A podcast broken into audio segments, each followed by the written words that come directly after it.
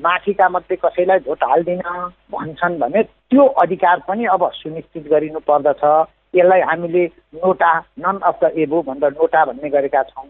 आफूले निर्वाचित गरेको प्रतिनिधिले जनताको भावना अनुरूप काम गरेन भने त्यस्ता व्यक्तिहरूलाई रिकल गर्ने हामीले प्रत्याह्वान भन्ने शब्द कानुनमा प्रयोग गर्दछौँ।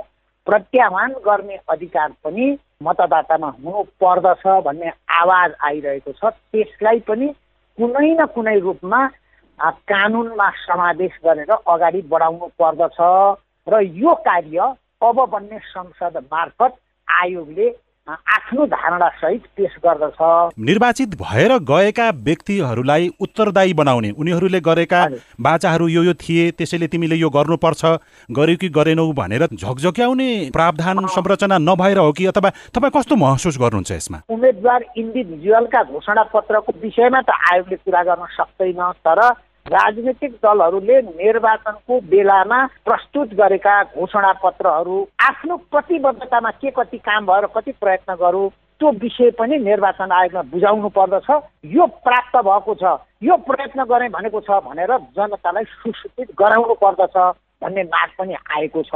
यो माग पुरा गर्नको लागि अब आयोगले के गर्छ? त्यस कारण हामीले अहिले कानुन त तर्जुमा गर्दै नै छौँ। यो विषय पनि अब कानुनको विषय बन्नु पर्दछ यो विषयलाई पनि एउटा उपयुक्त निकास दिनु पर्दछ भन्ने आयोगको भाव भनेपछि कुनै राजनैतिक दलमा अदल बदल भइराख्ने र यो गठबन्धनको विषयमा पनि आयोगले त्यसमा केही कानुन बनाएरै केही ल्याउन खोजेको हो? बनाउँदा यो विषयमा पनि छलफल भएको पनि हो हिजो पनि छोरै। तर अहिले अलिकति प्रखर ढङ्गले उठेको छ।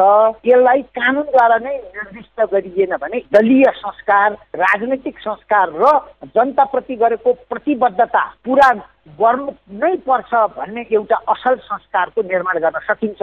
त्यसलाई पनि अगाडि बढाउन प्रयत्न गर्छ। यो सबै बनाएर मस्यौदा दिने हो त्यो पारित गर्ने काम फेरि राजनैतिक दल जसको लागि यो त्यति प्रिय फेरि निर्णय नहुन सक्छ। अनि यो हुन्छ त पारित हुन्छ कार्यान्वयनमा जान्छ? संसद भनेको दलीय व्यवस्थामा जनताको आवाज मुखरित गर्ने ठाउँ हो। शासन व्यवस्थालाई बलियो बनाउने पक्षमा काम गर्ने राजनीतिक दलहरूले यस्ता कानुनहरू तर्जुमा गर्दा जनताको आवाजलाई महसुस गरेर उपयुक्त निकास दिनु पर्दछ भन्ने हाम्रो बुझाइ हो मान्यता हो र सोचाइ हो।